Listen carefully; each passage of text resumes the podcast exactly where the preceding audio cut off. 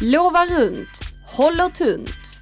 Det är dags för veckans avsnitt av Bli säker-podden.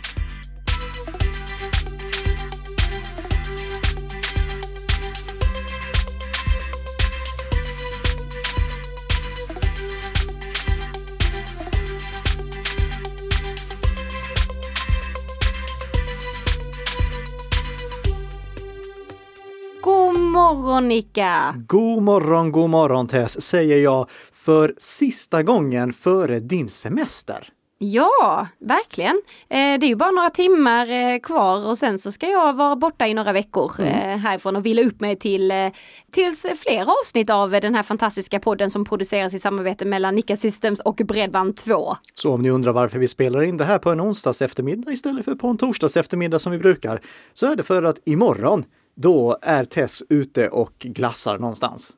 Ja, det hoppas vi. Ja. Vi får se. Jag har inga, inga större planer än så länge. Nej. Men eh, det kanske, jag tar dagen som det kommer helt enkelt. Carpe diem och så vidare. Mm.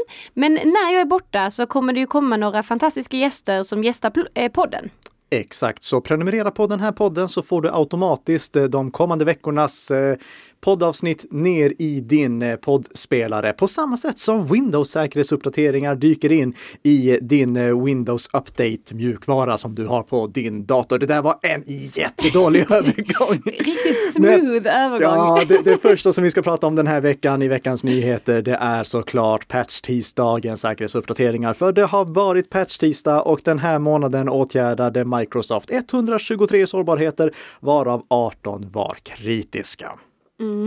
En, en stor samling uppdateringar. Ja. Som, är, är en stor samling sårbarheter som uppdateringarna åtgärdar. En av de här eh, sårbarheterna var till och med superkritisk, eller så kritisk det kan bli. Skalan går bara upp till 10 och det här var en 10 av 10. Oj då. Det är den så kallade Sigred-sårbarheten. Men jag tänkte inte vi skulle fokusera på den för den drabbar bara eh, Windows-servrar. Men på Windows-servrar är den allvarlig för att om man har en DNS-server som då kör på eh, någon av Windows-serverversionerna så skulle en mask kunna använda den servern för att sprida sig själv utan något krav på användarinteraktion. Så om eh, ni som har, eh, om ni som fortfarande jobbar har sett eh, er IT-avdelning springa runt och vara väldigt uppjagad så här i veckan så beror det troligtvis på att de hade mycket att göra med att patcha sina servrar. Men låt oss kolla på några av de sårbarheterna som vi behöver vara medvetna om på våra privatdatorer och på våra medarbetardatorer. Där har vi bland annat en sårbarhet som upptäckt i VB-skript. Den här sårbarheten gör att eh, en angripare skulle kunna preparera en webbsida som automatiskt infekterar användaren så fort han eller hon besöker den. In, inte så bra. Nej, det Nej. låter inte alls bra. Strikt negativt. Mm, verkligen. Det ska dock tilläggas att eh, i och med att det handlar om VB-skript så drabbar det här enbart de som använder någonting som vi inte har sagt att man ska, eller någonting som vi har sagt att man ska sluta använda, nämligen Internet Explorer. Ja, men det är ju ingen av våra lyssnare som fortfarande använder Internet Explorer, eller Nej, hur? men jag får fortfarande i min, alltså statistiken över vilka som ansluter till min webbserver, det finns fortfarande de som går in på den med Internet Explorer. Åh, så spännande! Ja. Vilka är de? Ja, det, det kan inte jag säga. Nej. Men sluta upp med det. Eh, eh, den här sårbarheten kan också drabba någon som öppnar ett eh, preparerat Microsoft Word-dokument eller en Excel-fil. Så Eh, oavsett om du använder Internet Explorer eller inte, så installera uppdateringarna omedelbart. Inte minst för att utöver de här som vi redan har pratat om så finns det då alltså 121 sårbarheter till som är åtgärdade. Så det är dags att uppdatera och jag vill också passa på här nu att börja flagga upp för alla som använder eh, Office 2010. Att nu är det snart slut med säkerhetsuppdateringar för Office 2010. Oktober 2020 är sista månaden som Office 2010 får säkerhetsuppdateringar.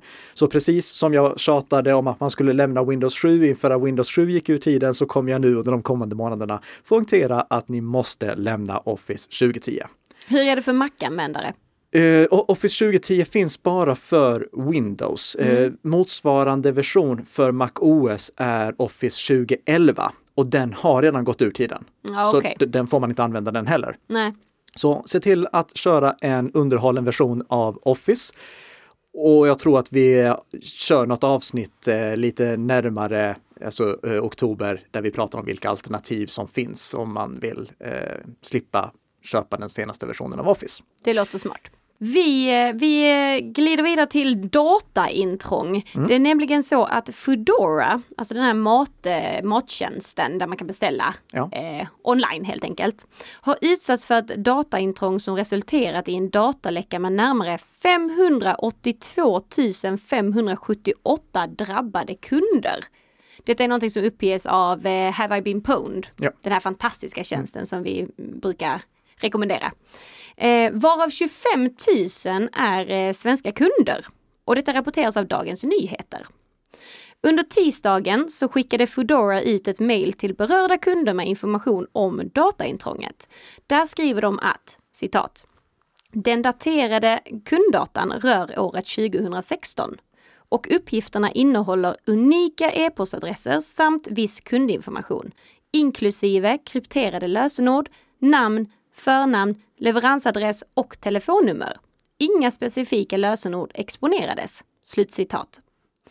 Troy Hunt, skaparen då av den här fantastiska tjänsten Have I been pwned, har sagt till Data Breach Today att merparten av lösenorden var hashade med Bcrypt. Och varför är detta så himla goda nyheter, Nika? Jo, för att, eh, eller vi ska kanske först och främst säga som så här att i meddelandet från eh, Fodora så skrev de att lösenorden var krypterade mm. och det var de inte, de var hashade. Jag förstår att de väljer termen krypterade eftersom att eh, det är ingen som vet vad hashade innebär liksom, ute i den liksom, stora vida världen jag brukar använda termen maskerade. Den är inte heller jättebra. Men mm. det, det, det, som är skillnaden mellan krypterade lösenord och hashade lösenord det är att krypterade lösenord, där finns det möjlighet att gå baklänges och kolla vilket lösenordet är när det ligger lagrat i databasen. Mm. Om de är hashade, då går det inte för en angripare att kolla vilket lösenordet var. Det går inte att dekryptera det, det går inte att dehasha någonting. Nej. Så när en person loggar in Eh, på en sida som har hashat lösenorden, vilket alla eh, webbplatser gör nu, det är att eh, då tar själva inloggningslösningen och hashar lösenordet som användaren anger och kollar så att det är samma som ligger lagrat i databasen. Mm, Men mm. lösenordet i sig går inte att få ut från det hashade värdet som ligger i databasen. Just det. Och anledningen till att det är bra att, den, att Foodora använder Bcrypt till de flesta, det, var, det är att eh, Bcrypt tar väldigt lång tid att beräkna. Alltså hashingen av lösenordet tar lång tid. Det är dator och prestandakrävande. Det innebär att för varje test som en angripare vill göra för att se ifall ett lösenord är det som han eller hon tror att det är. Mm. Eller för att testa genom en hel ordlista. Så tar det väldigt lång tid att göra det jämfört med många andra hash-algoritmer. Så, så, det är den positiva aspekten av det då? Ja, precis. Det, det, det, kommer ta tid för angripare att knäcka alla lösenord. Mm. Eh, om man har valt ett lösenord som finns i en ordlista, då kommer de ändå knäcka det på nolltid. Eh, för alltså, alla ord som finns i en ordlista går ändå förhållandevis snabbt att testa. Men om man följer mm. de lösenordsrekommendationer som vi har gett här i podden, då kommer det inte gå för en angripare att hitta det rätta lösenordet. Nej. Så tumme upp för att eh, de använder Bcrypt. Det är Bcrypt som jag använder på Nika Systems Academy online också. Men eh, självfallet tråkigt att en sån här dataläcka inträffar. Men det, det, är någonting som vi får leva med. Det, dataläckor inträffar, det är därför vi har tjänsten Have I been pwned och jag skulle uppmana alla att oavsett om eh, ni drabbades av den här Foodora-läckan eller inte, signa upp er kostnadsfritt på Have I been pwned så att ni får en notis ifall er e-postadress dyker upp i en dataläcka. Mm. Och om ni var kund hos Fodora 2016, då måste ni nu byta lösenord dit. Använder ni samma lösenord på fler ställen, förlåt, om ni har en vän som använder samma lösenord på fler ställen. Jag förstår att det finns inte någon som lyssnar på Bli säker-podden som använder nej, samma nej, lösenord nej. på flera ställen. Eh, då måste er vän också byta lösenord till de ställena. Ja, och även att Dagens Nyheter har ju även gått ut med att eh, dataläckan ligger ute till försäljning.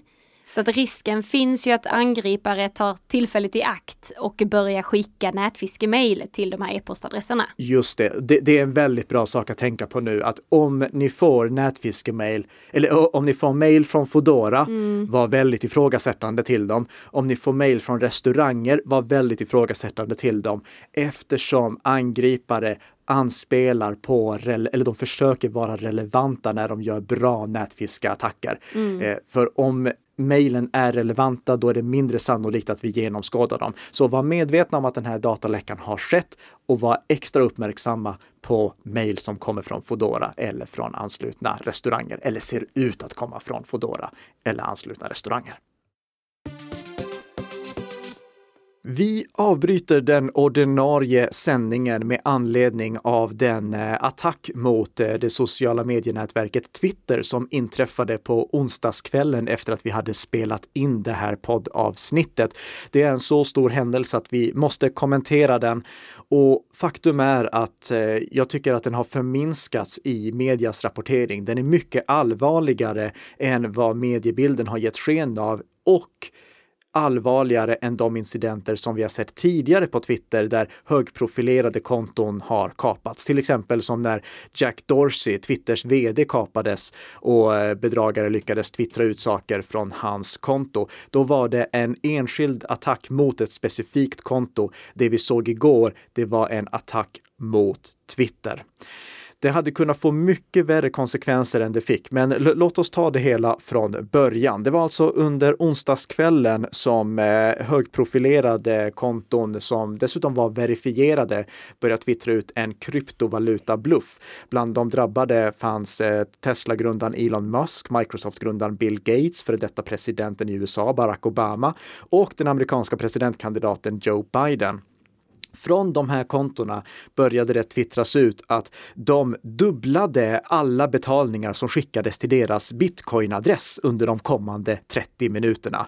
Det här var en så kallad eh, coinflip eh, eller ett så kallat coinflip bedrägeri. Vi har sett flera exempel på det tidigare där bedragare säger att om du bara för över 1000 dollar till oss i bitcoin så för vi tillbaka 2000 dollar till dig på något konstigt sätt. Exakt hur det går till förklaras aldrig närmare. Eh, hur det såg ut när eh, de här kontona var kapade kan ni se på vår webbplats nikasystems.com och där har jag även lagt med en skärmdump av hur webbplatsen som användes för att marknadsföra det här bedrägeriet såg ut. Under den här kvällen lyckades bedragarna totalt få in 12 bitcoin, eller drygt 12 bitcoin. Det motsvarar mer än en miljon svenska kronor. Och det kan kännas mycket. Men det är inte mycket om en tanke på vad de här bedragarna hade kunnat göra, för de lyckades som sagt inte kapa de här specifika kontona, utan de hackade hela Twitter. De fick möjlighet att twittra från massvis av olika konton eftersom de fick tillgång till interna system hos Twitter. Eh, Twitter själva skriver i en kommentar we detected what we believe to be coordinated social engineering attacks by people who successfully targeted some of our employees with access to internal systems and tools. Vice Motherboard bekräftar också det här för de har fått eh, skärmdumpar av hur det här interna verktyget såg ut. Så angriparna lyckades alltså på något sätt via att lura medarbetare komma åt interna system hos Twitter. Och när det sker, då, då är liksom plattformen schackmatt. Då spelar det ingen roll att de som har skapat konton där har vidtagit eh, de eh, rekommenderade åtgärder som vi har listat flera gånger tidigare. Alltså ha ett, ett starkt unikt lösenord som inte används någon annanstans, ha tvåfaktorsautentisering påslaget och att se över vilka tredjepartstjänster som är kopplade till kontot. Men i och med att bedragarna själva kunde liksom komma åt de interna systemen så kunde de gå förbi allt det här. Det är därför det här är så pass mycket allvarligare. För om bedragarna hade varit ute efter någonting annat än att statuera ett exempel och kanske tjäna en miljon på det, då hade de kunnat göra mycket, mycket värre saker. Tänk bara vad de kan göra med tillgång till att twittra från liksom före detta presidenten i USA eller presidentkandidaten i USA, Joe Bidens konto. Alltså, de hade kunnat påverka det världspolitiska läget och destabilisera det. I och med att de också kunde twittra från till exempel Apples officiella konto och Ubers officiella konto så hade de kunnat påverka börsrörelser. De hade kunnat tjäna massvis av pengar på att manipulera börsen genom att twittra ut falska påståenden. Så det här är extremt allvarligt. Och Twitter behöver verkligen fundera på om de hade kunnat göra något eh, för att förhindra det här och vad det i så fall skulle vara. Vi kommer säkert ha anledning att följa upp den här incidenten i kommande poddar också. Men det som jag tycker att alla ska, ska ta med sig från det här, det är egentligen vad som kan ske om angripare får tag i ett så kraftfullt verktyg som Twitter och kan missbruka det. Och även att se om sitt eget hem. Utöver att vidta de åtgärderna som jag listade precis tidigare och som jag länkar till också från våra show notes. Så fundera också över hur det är på din arbetsplats. Vad skulle angripare kunna göra med de rättigheterna som du har? De rättigheterna som dina konton har när det gäller kontona som du använder på daglig basis. Är de kontona tillräckligt välskyddade? Behöver du alltid ha de rättigheter som dina konton har för tillfället.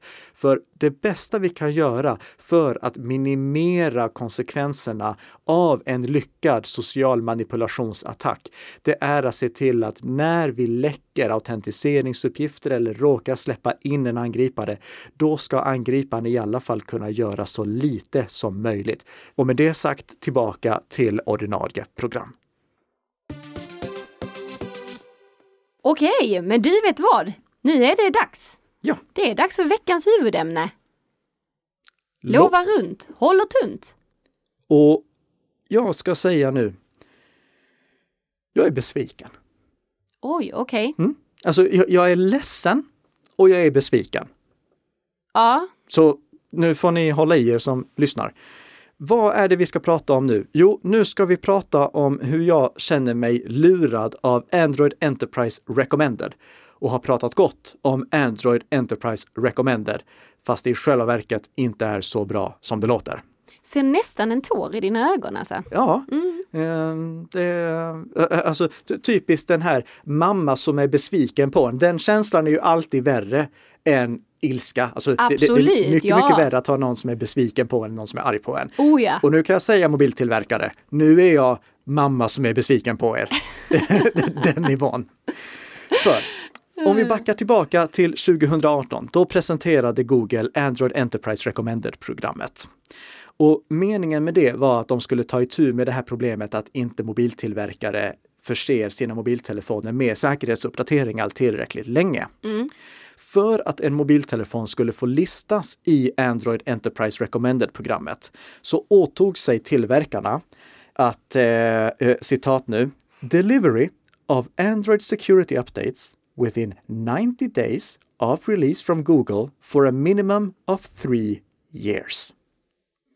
Alltså, de ska förse mobiltelefonerna med säkerhetsuppdateringar inom 90 dagar från att Google släpper dem i minst tre år. Ja, det är tydligt liksom. Tydligt. Ja.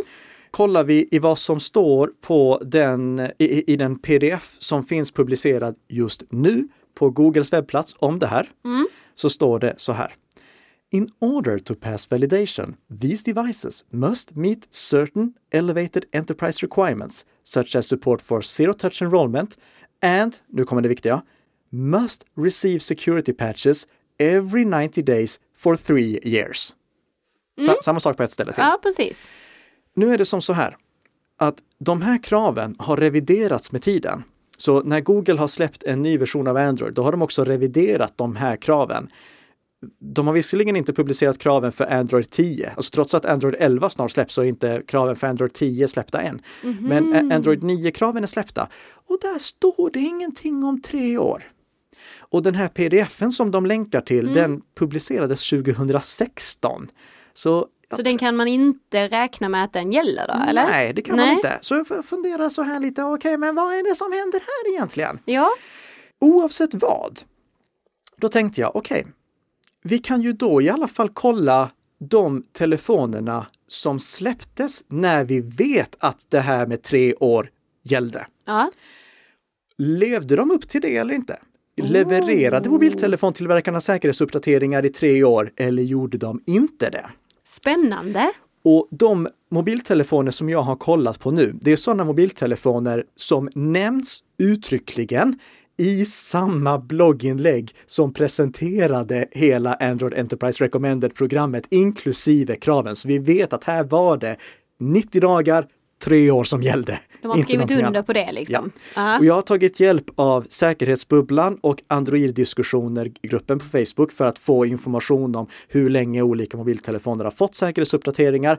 Jag kommer inte prata om alla mobiltelefoner nu, för jag tar bara de där jag liksom har fått flera som har eh, bekräftat samma sak. Ja. Men jag håller på att gräva vidare i det här och kommer presentera mer information i podden nu i höst. Mm. Men det vi redan nu kan konstatera, det är att Sony, de hade vissa mobiler med där. Och om vi kollar på de som nu närmar sig tre år, mm. då har vi till exempel Xperia Z1-serien. Den släpptes augusti 2017 och den senaste säkerhetsuppdateringen som den har fått är från september 2019.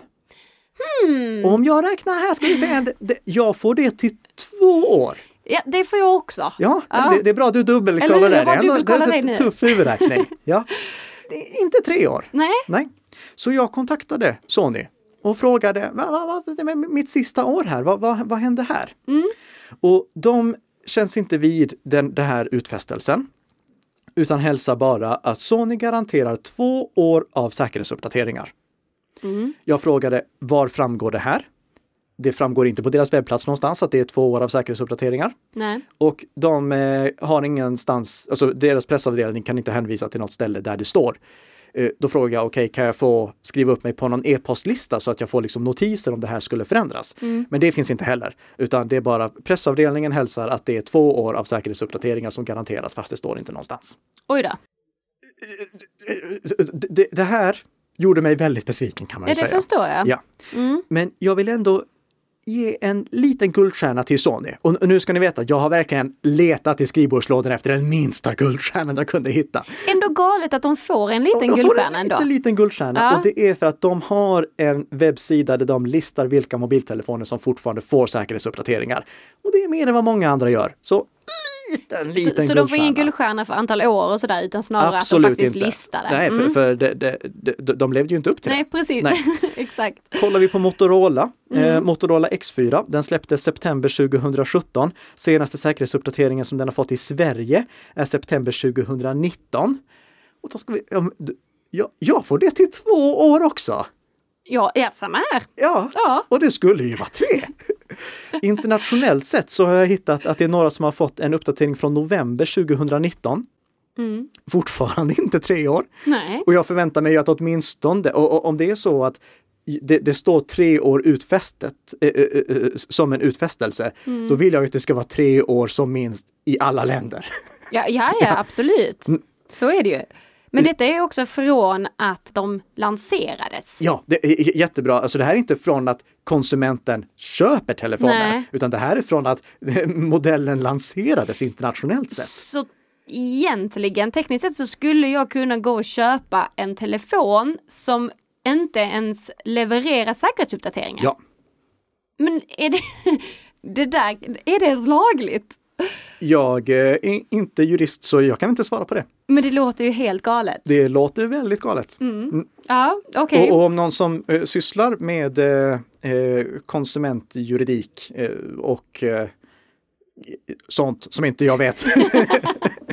så, så får eh, han eller hon jättegärna kontakta oss så kan vi prata mer om det. Jag har även eh, kontaktat en eh, journalistvän till mig så vi kommer gräva vidare i det här också. Spännande. Men vi kör på. LG cirka två år där också. Mm. Blackberry struntade jag kolla på för det är ingen som köper deras mobiler. Förlåt. oj, oj, oj. ja, det, det, det, de är inte alls lika populära Nej. som de var en gång i tiden. Huawei, jag får lite olika budskap här, men det, det ser ut som att de sköter sig ganska bra ändå. Jag kommer mm. återkomma till Huawei, för de har ju hamnat i en lite speciell situation också eftersom de har fått mattan underdragen för sig. Det hade man inte mm, kunnat eh, se liksom, när de presenterade det här. Mm. Eh, men hur som helst, finns det några som vi vet att sköter sig? Av Google själva. De sköter sig. Okay, Google ja. de släppte Pixel och Pixel XL oktober 2016. Och det är ju en telefon som jag själv har. Mm, så här kan vi se. Den fick oktober 2019 sin senaste säkerhetsuppdatering. Så på, precis på dagen. Exakt tre år. Mm. Ja. Men de håller vad de lovar där i alla fall. Det gjorde de. Ja. Det, så eh, cred till dem för att de, de höll i tre år och de får en stor guldstjärna också. Jaså? För att de listar faktiskt på modeller som säljs nu idag eh, när de, ga- hur länge de garanterar säkerhetsuppdateringar för dem. Alltså det står datum för hur Ah. länge de garanterar Det säkerhetsuppdateringar. är, ju, det är ju faktiskt bra. Kollar vi på Sony så står det bara vilka de fortfarande underhåller. Kollar vi på eh, Huawei som också får en liten guldstjärna så står det också bara hur länge de underhåller. Eh, eh, så står det också bara vilka de underhåller. Okej. Mm. Ja. Eh, Men eh, det, det, det är positivt från Google. Och Nokia, de hade en telefon på den här listan också. Nokia 8. Den släpptes augusti 2017 och den har fått säkerhetsuppdateringar som nu senast är april 2020. Aha. Och då tänker man så, okej, det så de klarar inte heller tre år. Men jo, de har ju 90 dagar på sig. Ja. Så maj, juni, juli släpper de en säkerhetsuppdatering nu i juli. Då Då, har är de på det gröna. Mm. Ja, så eh, Nokia ska inte ha något, eh, eh, någon kritik där än. Och de eh, skriver också på sin webbplats uttryckligen så här, vilket de får eh, stor guldstjärna för. Mm. Smartphones eh, from Nokia är, står ju på svenska, eh, smartphones från Nokia som är Android Enterprise Recommended skyddar din data med heltäckande säkerhet i flera lager och tre års månadsuppdateringar. Det det borde stå kvartalsuppdateringar där möjligtvis, men eh, det är bra. Eh, De baserar ju sina telefoner på Android One som är lättare att uppdatera än när eh, mobiltillverkarna har lagt in massa specialanpassningar själva. Så det, det är mycket positivt. Framförallt att de har skrivit det publikt och faktumet att de att de också har en bra översikt över vilka mobiltelefoner som fortfarande får säkerhetsuppdateringar och inte. Ja. Länkar till alla de här sidorna finns i våra show notes. Så, Nokia och eh, Google, de sköter sig i alla fall bra. Vi får tre år av säkerhetsuppdateringar därifrån. Men Ja. kan vi bara ta en snabb stund och fundera över hur bisarrt det är att vi sitter och är någorlunda nöjda med att våra mobiltelefoner får tre år av säkerhetsuppdateringar från släppdatum. Nej, Men alltså det är ju det är pinsamt. Ja, Det är riktigt pinsamt. tre år! Det är, u- u- Ur ett miljöperspektiv är det vansinnigt. Absolut. Och ur ett eh, säkerhetsperspektiv på företag är det snudd på ohållbart. För jag vet inte, hur ofta byter ni era mobiltelefoner? Eh, det, jag tror det beror på också vad du har. Som jag har ju en iPhone. Ja, Eh, och jag har ju en iPhone 6. okej. Ja. S- Och den får ju fortfarande säkerhetsuppdateringar. Så det beror Ja. lite på. Eh, och du, du har en iPhone 6S tror jag. Eh, det stämmer ja. Ja, det, är- i och för sig det spelar ingen roll för att iPhone 5S är den äldsta modellen som Apple fortfarande släpper säkerhetsuppdateringar till, vilket vi inte trodde att de skulle göra. Vi trodde ju inte de skulle fortsätta underhålla iOS 12. Nej. Men det har de gjort och Ja. iPhone 5S den släpptes alltså 2013. Eh, 2014, 15, 16, 17, 18, 19, 20. Det är sju år de snart har underhållit den. Precis. Och jämför det då med de här tre åren. Nu ska det tilläggas att här har vi inte kollat på till exempel Samsung och OnePlus. Jag kommer även kolla på dem. Anledningen till att jag inte har gjort det än är att de inte var med i den här första Android Enterprise Recommended-aviseringen. Men vi kan ju enas om att det inte är tillräckligt, tillräckligt många. Ja, Eh. det, det, eh, att garantera i två år, det innebär för det första att egentligen kan i princip inget företag köpa de telefonerna. För att jag, jag, köper telefoner och skriver av dem på 24 månader. Alltså i, i, i eh, liksom inventarierna som företaget äger så är de avskrivna på 24 månader. Så de måste hålla i minst 24 månader. Och i IT-säkerhetspolicyn så står det också, vilket jag rekommenderar alla att ha i sin IT-säkerhetspolicy, att man enbart får använda mobiltelefoner som fortfarande får säkerhetsuppdateringar. Det innebär ju att om man köper till exempel en Sony då som garanterar säkerhetsuppdateringar i två år, då måste man köpa mobilen på releasedagen. Ja, det är ju helt bisarrt ju. Så vad säger jag egentligen om det här? Innebär det här att man inte kan köpa mobiltelefoner som kör Android till företag? Nej, det säger jag absolut inte. Men det går inte att köpa från vilka tillverkare som helst. Nej. Google går det ju att köpa om man räknar med att de håller i tre år. Eh, från eh, släppdatum då alltså, så man kanske ska ha dem två år i organisationen eller drygt två år. Eh, det, det, är helt okej. Okay. Eh, Nokia, de verkar ju också sköta sig och de har den här treårsutfästelsen för vissa av sina mobiltelefoner, vilket jag älskar. Mm. Två tummar upp. Jag, jag, har ju tidigare pratat väldigt gott om Nokia. Jag fick äta upp det sen en gång. Jag kan lägga med en länk till när Nokia hade problem. Men det här är ändå sånt som jag uppskattar med, med Nokia att de gör. Det som jag vill få fram här bara, det är när man skaffar en Android-mobiltelefon då ska man först och främst fråga tillverkaren hur länge garanterar ni säkerhetsuppdateringar till den här? Om de inte kan svara på det, då faller den mobiltelefontillverkaren bort i mina ögon. Mm. Och om de sen ger ett bra svar på det, då ska man ta det i avvägning när man tänker på vad mobiltelefonen kostar. Ja. För en iPhone, det, det är inte alltid äh, iPhone-modeller kostar mer än Android-mobiler. Men om en iPhone kostar mer, men man kan ha den längre, Mm. Då kan ju det bli en lägre totalkostnad. Så ja, det är skulle... stor skillnad på två år och kanske då låt säga sju år. Nu om det nu fortsätter. Ja, är, nu, nu, säger jag inte att det är många som vill använda en iPhone 5S Nej. efter sju år. Men ändå, så väg in månadskostnaden. Fundera över hur länge den här mobiltelefonen kan hålla. Sen är det så att om vi kollar på Apple, de garanterar inte ett visst antal år som de kommer förse sina mobiltelefoner med säkerhetsuppdateringar. Nej. Anledningen till att jag inte klagar på dem, det är att om man har en historia av att släppa uppdateringar i liksom över fem års tid, då, då har man historien som kan gå i god för mm. att det är en mobiltelefon man kan lita på. Och jag ska som sagt undersöka det här med de andra mobiltelefontillverkarna också. Det som jag vill konstatera i det här poddavsnittet, det är egentligen bara att det som har utlovats i Google, Ant, eh, Google Android Enterprise Recommended, det hålls inte. Nej. Google Android Enterprise Recommended, det lovar runt. Men det visade sig hålla väldigt tunt. Mm. Mm. Snyggt! Snygg avslutning eh, Nicka! Tack så mycket! Och snygg avslutning på den här våren för dig också ah. Tess. Det, nu hoppas jag att du får en riktigt skön semester. Tack så jättemycket! Ja, så kommer någon annan sitta här på stolen mittemot eh, nästa vecka eller eh, eventuellt ansluta via Skype. Vi får se hur vi gör där med tanke på coronatider. Men hur som helst, Tess, ha en fantastisk semester. Du som lyssnar på den här podden, du ska också ha stort tack för att du har lyssnat. Prenumerera jättegärna på podden och tipsa dina vänner så blir vi jätteglada. Och sen hörs vi om en vecka vecka igen med ett nytt avsnitt av Bli säker-podden som gör dig lite säkrare för varje vecka som går. Hej då! Hej då!